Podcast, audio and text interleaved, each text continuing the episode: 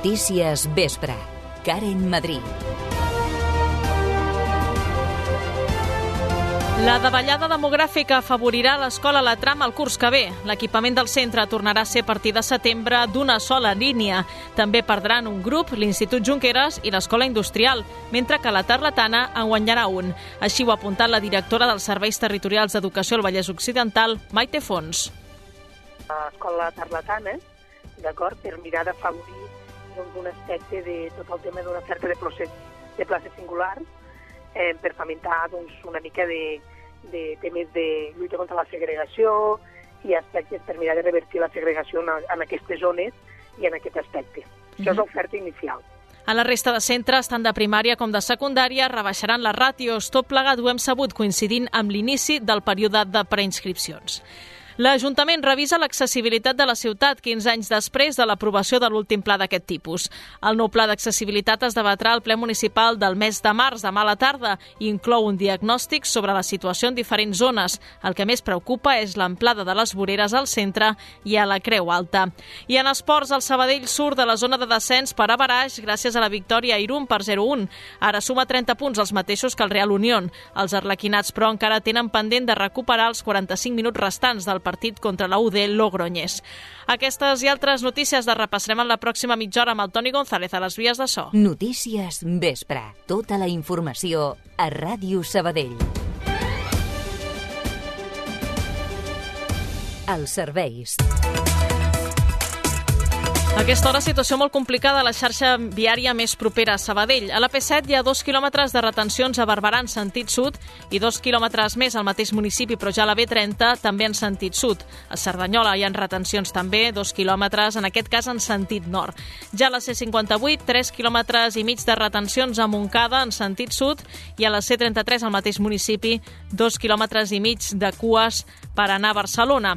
I ja a la ciutat comtal, trànsit molt dens en trams d'aturades a la Ronda de Dalt entre Pedralbes i el túnel de la Rovira en sentit meridiana. El temps.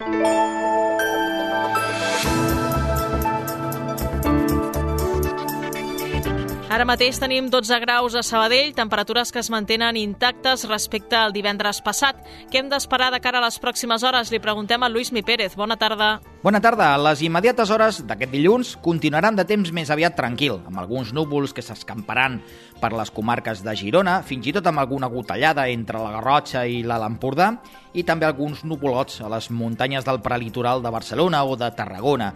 Aquestes properes hores amb vent de garbí, amb marinada de fet més reforçada a la costa i prelitoral de Tarragona i de Barcelona. Aquesta propera nit es tornarà a ennuvolar pel sud del país, també demà al matí, amb alguna gotellada al Pla de Lleida, a les comarques de l'Ebre, cap al camp de Tarragona o al voltant del Penedès, poca pluja i més clarianes quan més cap al nord, però amb vent de ponent que s'anirà fent més tossut a les comarques de Tarragona i també entre Osona, el Ripollès i també la comarca de la Garrotxa. Demà a la tarda passa un front pel Pirineu i les comarques de Girona, un temps, per tant, que acabarà amb alguns ruixats demà a la tarda, nevades per damunt dels 1.500 metres i pel que fa a la temperatura pujarà una mica respecte a la d'avui. Tindrem vent de ponent gran part del dia i farà passar dels 20 graus de màxima sobretot a la costa i prelitoral. Només a Girona, on plogui a la tarda, baixarà en picada la temperatura. Ho seguirem aquí a la xarxa. L'escola La Trama tornarà a ser d'una línia a partir del curs que ve. Així ho ha assegurat avui la directora dels Serveis Territorials d'Educació al Vallès Occidental, Maite Fons, en declaracions al Cafè de la Ràdio. Justifiquen l'eliminació d'un grup per la davallada demogràfica prevista. També perdran un altre grup, l'Institut Junqueras i l'Escola Industrial, mentre que el conjunt dels centres de primària i secundària s'aprofitarà el context per reduir ràtios.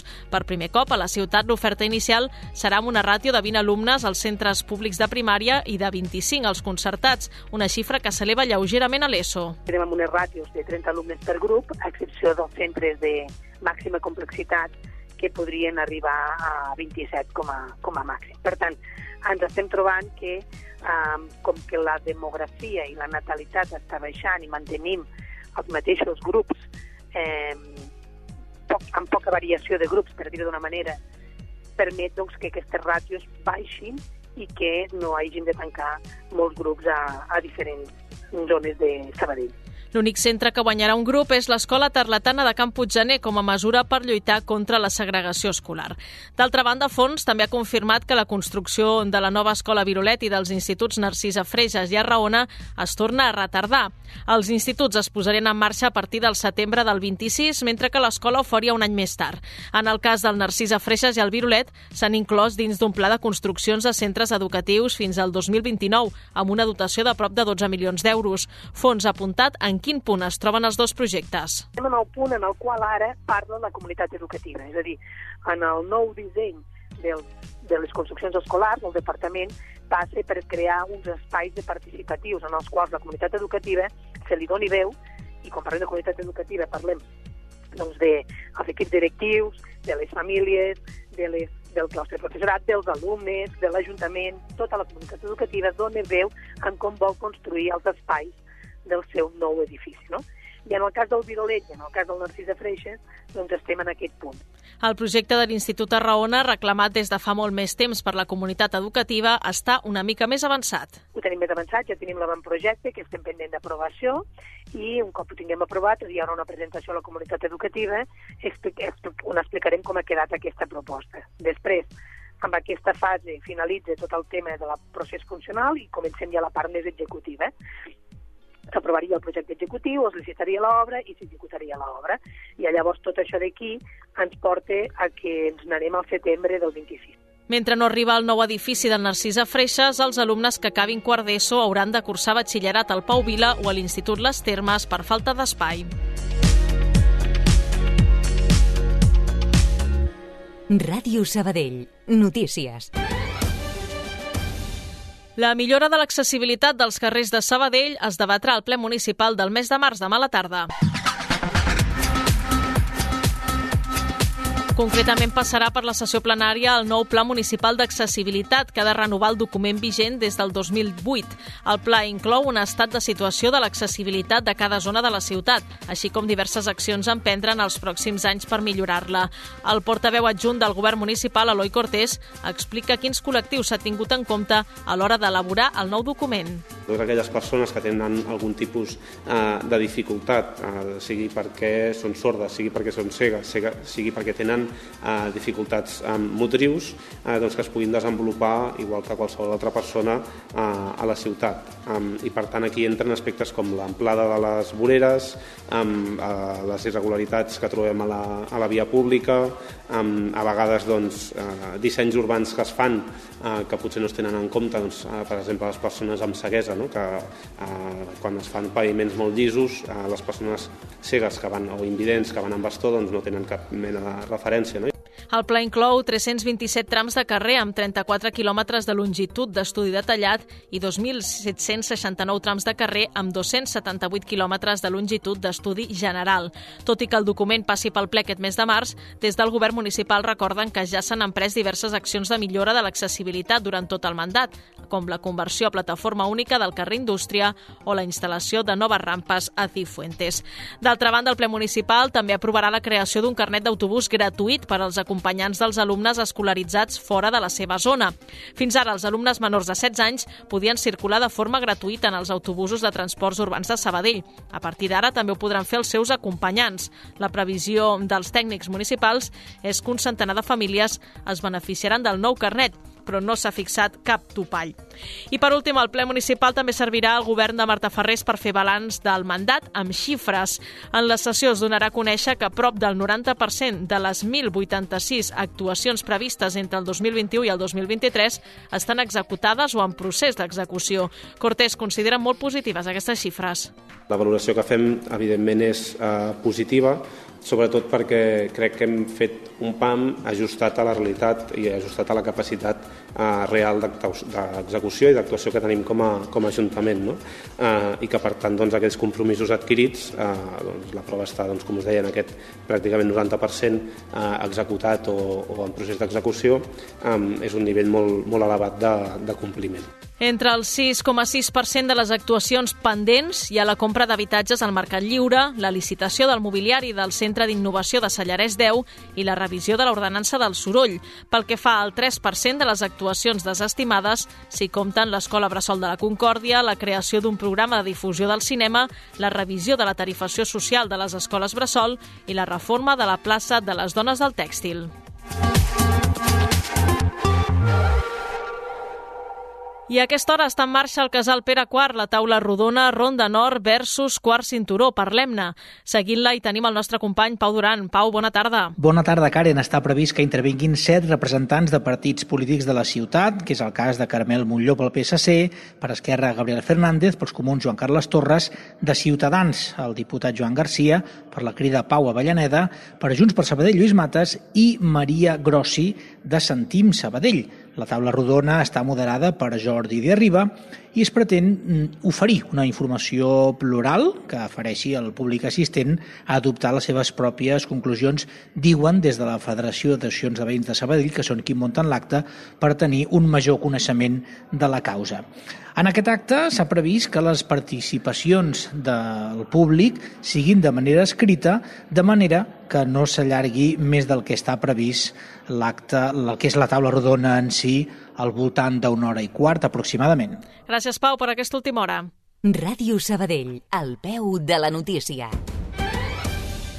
Obrim pàgina de successos. Un jove de 28 anys ja mort i un altre de 27 es troba en estat greu després de patir un accident de trànsit aquest diumenge a la carretera de Terrassa. El vehicle que conduïa la víctima mortal va perdre el control, va envair la rotonda de la Ronda Ponent i va volcar. La policia municipal està investigant les circumstàncies del sinistre. Helena Molís, bona tarda. Bona tarda, Karen. De moment no s'ha pogut esclarir si l'accés de velocitat és la raó de l'accident. Ara bé, l'impacte contra la rotonda va ser tan gran que el turisme va acabar cap per avall amb els dos ocupants atrapats a dins. Els bombers de la Generalitat van haver d'excarcerar els dos joves, un dels quals va morir fruit de l'impacte. L'altre, l'acompanyant, es troba ingressat en estat greu al Parc Taulí. Amb aquesta ja són tres les víctimes mortals en accidents de trànsit a Sabadell des de principis d'any. Dues persones més, un jove de 37 anys i una nena de 13, van perdre la vida mitjan del mes de gener passat en una col·lisió frontal a la carretera de Bellaterra a l'altura de l'aeroport de Sabadell. I la Policia Nacional ha detingut avui a Sabadell els responsables de dos locals on s'obligava dones a prostituir-se. Ràdio Sabadell també ha pogut confirmar que els agents han pogut alliberar un grup de dones que eren explotades sexualment. La investigació continua sota secret de sumari.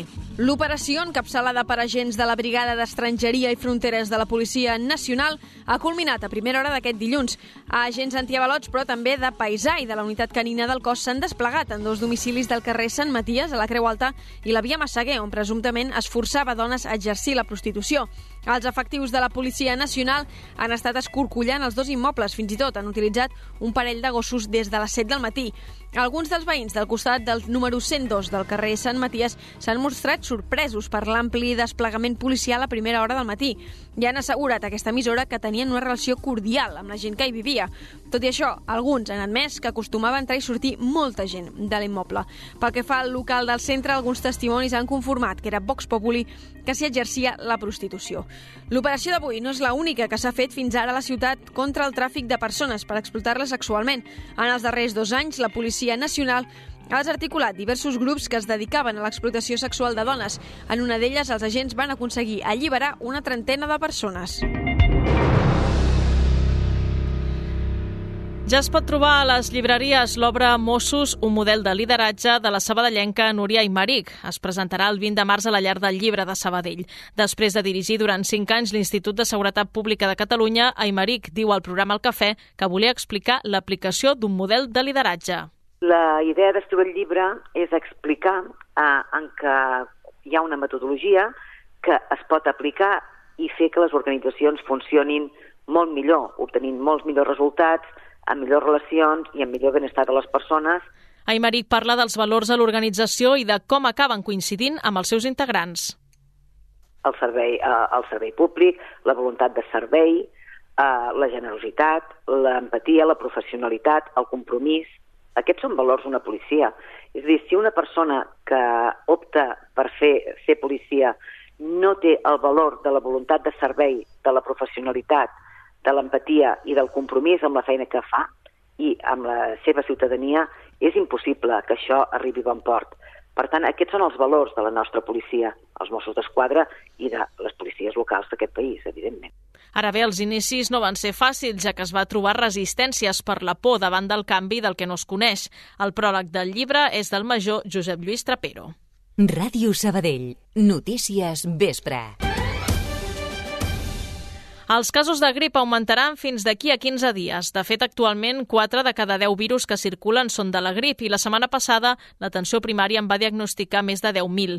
Segons apunta Francesca Esclusa, de Pediatria, el principal focus en aquesta onada són els nens i els adolescents. El petit, el lactant petit i el nen petit no ha rebut la immunització que li toca de, de microbis encostipats i resulta que, és clar ara ho està rebent tot de cop el, sobretot hi ha hagut molt BRS, que és el virus respiratori sincitial, que fa, bueno, és terrible aquest virus, els petits ingressen i els més grans, clar, no deixen de, de fer tos, de tenir que fer un ventolín degut al, al virus que ha aparegut més tard i més potent, diguem. La pediatria té clar quin és estat el motiu del creixement de casos de grip d'enguany. Esclus apunta que l'explosió de casos d'enguany és de situació post-Covid. L'any de la pandèmia la grip ens va arribar molt més tard, eh? però ara actualment el haver tret mascaretes i el tornar com enrere, que la gent no vigila tant, que quan es tossega no, té, no es posa màscara, que hi ha reunió de gent, tothom sense màscara, clar, eh, hi ha molta més grip de la que hi havia hagut degut a això, perquè la gent pràcticament no vigila. Sobre qui s'hauria de vacunar, Esclusa promou que els nens que comencin la guarderia es vacunin també. Ràdio Sabadell. Notícies. En cultura, els personatges que han passat per la cartellera de la joventut de la faràndula fins a arribar al 75è aniversari han omplert el muntatge al Teatre dels Somnis aquest cap de setmana.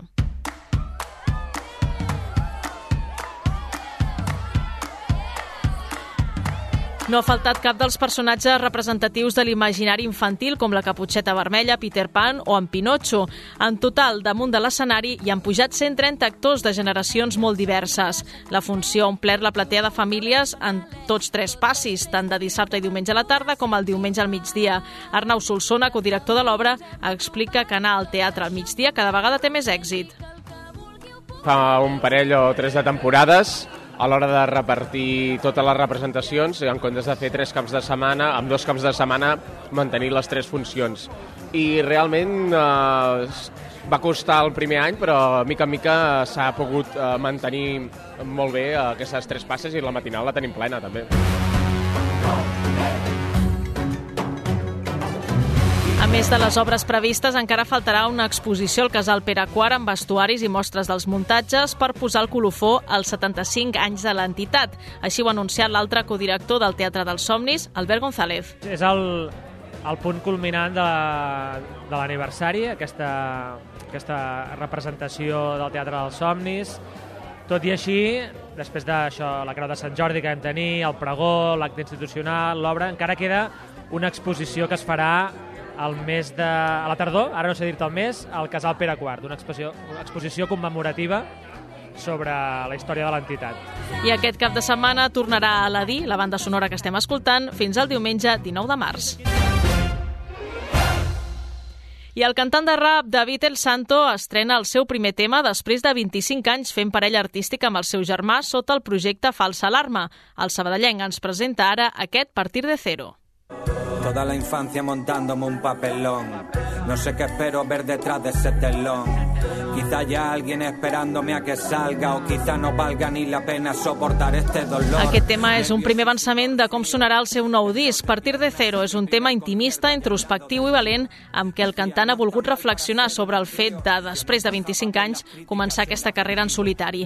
En una entrevista al programa al matí, El Santo ha explicat com ha anat aquest procés d'emprendre aquest nou camí. Nos hemos tirado como 25 años con el grupo y, y bueno, hemos llegado a un punto en el que después de toda una vida al igual haciendo discos como, como grupo, llega un momento como que tienes la sensación de que ya poco, poco más tenemos que demostrar en, en este aspecto, ¿no? Sí. y después de conseguir todos los logros que hemos podido conseguir como formación y tal, pues teníamos un poco la, la necesidad ¿no? de, de, de, de sentir esa creatividad que se puede sentir ahora, ¿no? Haciendo carreras así un poco en solitario y demás y, y oye, pues genial, muy contentos, la verdad. El nou disc es publicarà el 2023, tot i que encara no té data de llançament. Ràdio Sabadell. Notícies vespre. Fora de Sabadell i la comarca. El ciberatac de l'Hospital Clínic prové de fora d'Espanya, segons ha especificat l'Agència de Ciberseguretat de Catalunya. L'autoria seria una empresa de cibercrim anomenada Ramson House, amb la qual l'agència no hauria establert cap tipus de contacte perquè ja ha puntualitzat que no pagarà ni un cèntim. Pel que fan a l'activitat del centre sanitari, s'han desprogramat 150 cirurgies no urgents, unes 3.000 visites a consultes externes i entre 400 i 500 extraccions. Salut preveu fer 142 2.000 proves diagnòstiques, 140.000 consultes a l'especialista i 35.000 operacions més aquest any per reduir les llistes d'espera als hospitals. Així ho recull el Pla de millora de l'accessibilitat al sistema de salut. Permetrà reduir el nombre de pacients que ara són atesos fora de termini. El pla té una partida de 110 milions d'euros i també es fixa baixar el temps d'espera per ser visitat a la primària, de manera que a finals d'any el 90% dels usuaris obtinguin cita als 10 dies. Els terratrèmols de Síria i Turquia deixen un balanç de més de 50.000 morts, just un mes després de la catàstrofe. A Turquia, el darrer balanç apunta que s'han produït 45.968 defuncions, mentre que a Síria la xifra de víctimes ascendeix a les 5.914. No obstant això, el Col·legi de Metges de Turquia acusa el govern d'Erdogan d'ocultar dades i consulta assegura que el nombre de morts supera les 60.000. Esports.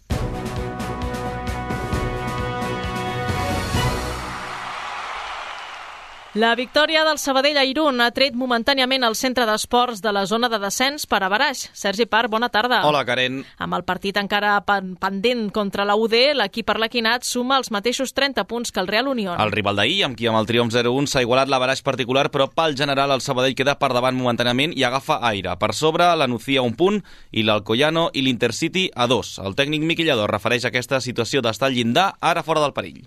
Sortir al descens és un tema molt, molt mental, no? perquè et veus fora d'aquestes posicions, evidentment ara doncs, amb un partit menys eh, tens una mica més de marge, però, però hem d'estar preparats, hem d'estar preparats per, per estar-hi fora, per en algun moment doncs, estar, estar al límit. És evident que no volem estar allà, ningú vol estar allà, però és una lliga molt competitiva. I ahir de nou va ser determinant Cristian Herrera, qui va marcar el seu tercer gol en tot just 4 partits i mig. Com a arlequinat, la mitjana li surta un gol cada 100 minuts clavats, és a dir, un gol gairebé per partit. El de Santa Coloma de Farners considera que encara pot oferir més. En quant a números, doncs, estic content, aportant a l'equip doncs, el que venia buscant, crec, en el mercat d'hivern, i per això vaig vindre, no? I bé, esperem que, que segueixi així, i, però bueno, com et vaig dir, doncs, Uh, també vull aportar treball a l'equip, uh, aportar la meva millor versió que, que crec que encara puc donar més i, i espero doncs, uh, ajudar l'equip tant amb gols com amb treball. El pròxim compromís serà diumenge a les 7 a la Nova Creu Alta contra un Real Múrcia que és quart, tot i que ahir no va passar de l'empat a una casa contra el Barça Atlètic. Un partit, per cert, que van presenciar 27.831 espectadors en directe a l'Enrique Roca, signant un nou rècord d'assistència a la categoria. A tot això seran baixa Moja Keita i David Astals després de veure ahir a l'Estadium Gal les respectives cinquenes grogues de la temporada. I així anat el cap de setmana per als principals equips de l'Obrador Laquinat. Victòria desfermada del filial al camp de la Unificació en Llafià per 2 a 7. El Sabadell B no golejava amb aquesta contundència des de l'inici de la primera catalana. Va començar marcant 5, 4 i 3 gols en les tres primeres jornades i des de llavors el màxim havien estat dos. Ahir els de Marc Nomen es van alliberar, capgirant la diana inicial dels badalonins abans del descans i culminant un festival ofensiu a la segona part. El més destacat, José Enrique Carrasco, amb un hat-trick. Tot va ser un partit molt, molt, molt, molt complet, és a dir, un camp molt complicat, sabíem on, on anàvem, contra qui jugàvem, quines virtuts tenien, també en aquest sentit el, el míster ens ho deixa tot molt clar, i sí, bueno, també després de tornar de lesió, la veritat és que em va, em va fer molta il·lusió poder ajudar l'equip, poder guanyar, i doncs això, si és fent un hat-trick, doncs bueno, per un davanter millor que millor. El filial supera el Llafià a la classificació i, de fet, es col·loca cinquè, l'últim lloc d'ascens directe a la nova Superliga catalana. En futbol formatiu, golejada també del juvenil B del Sabadell en el derbi de la Lliga Nacional. 4-0 es van imposar els de Conrad Garcia al Mercantil, en un triomf que serveix als arlequinats per posar-se a un sol punt dels Blaugrana. Pau Fernández de penal a la primera part i Ivan Sánchez, Jan Rodríguez en pròpia i Izan Otero a la segona van ser els golejadors d'un derbi en què el Sabadell B va ser superior i va demostrar una gran efectivitat. El tècnic Conrad Garcia es mostrava eufòric, no només per guanyar el derbi, sinó per capgirar el 3-0 de la primera volta.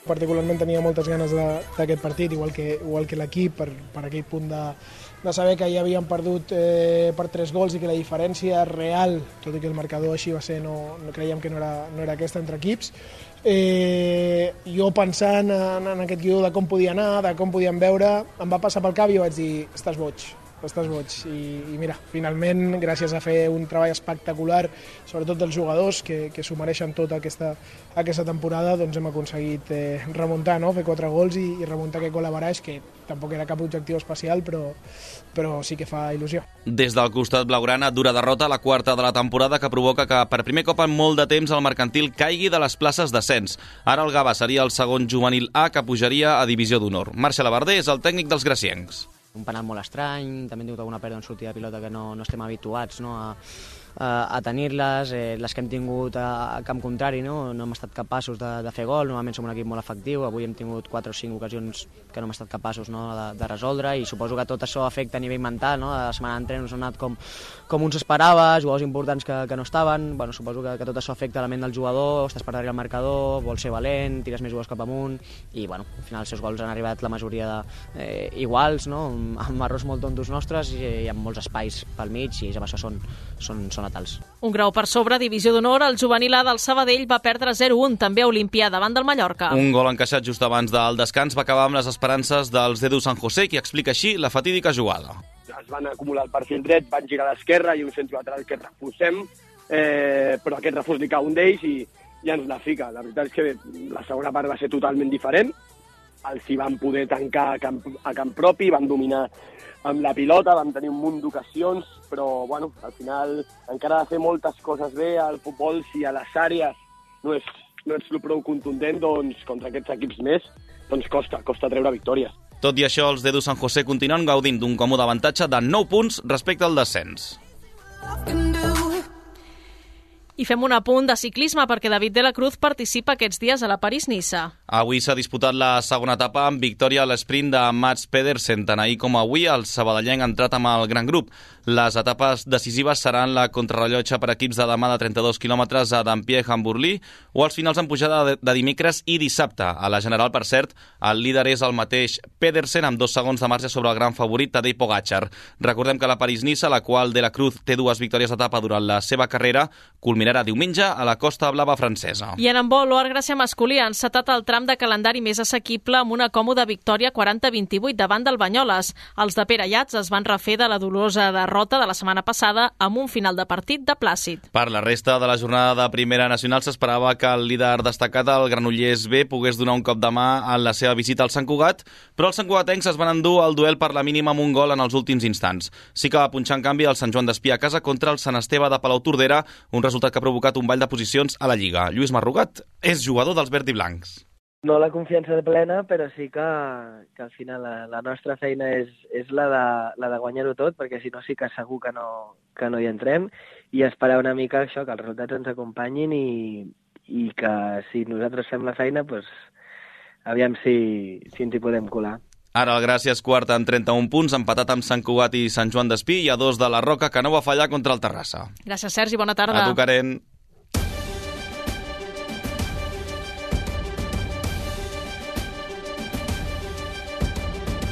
Menys d'un minut per dos quarts de vuit és moment de posar a punt final al Notícies Vespre d'aquest dilluns 6 de març. Recordant-vos que tot el que us hem explicat aquesta mitja hora ho podeu trobar ampliat al portal web radiosabadell.fm.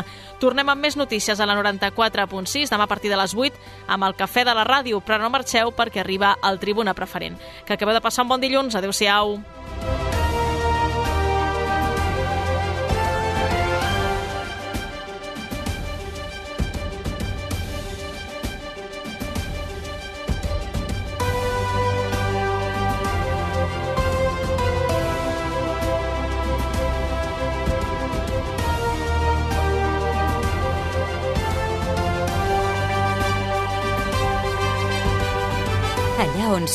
escolta'ns online. En directe.radiosabadell.fm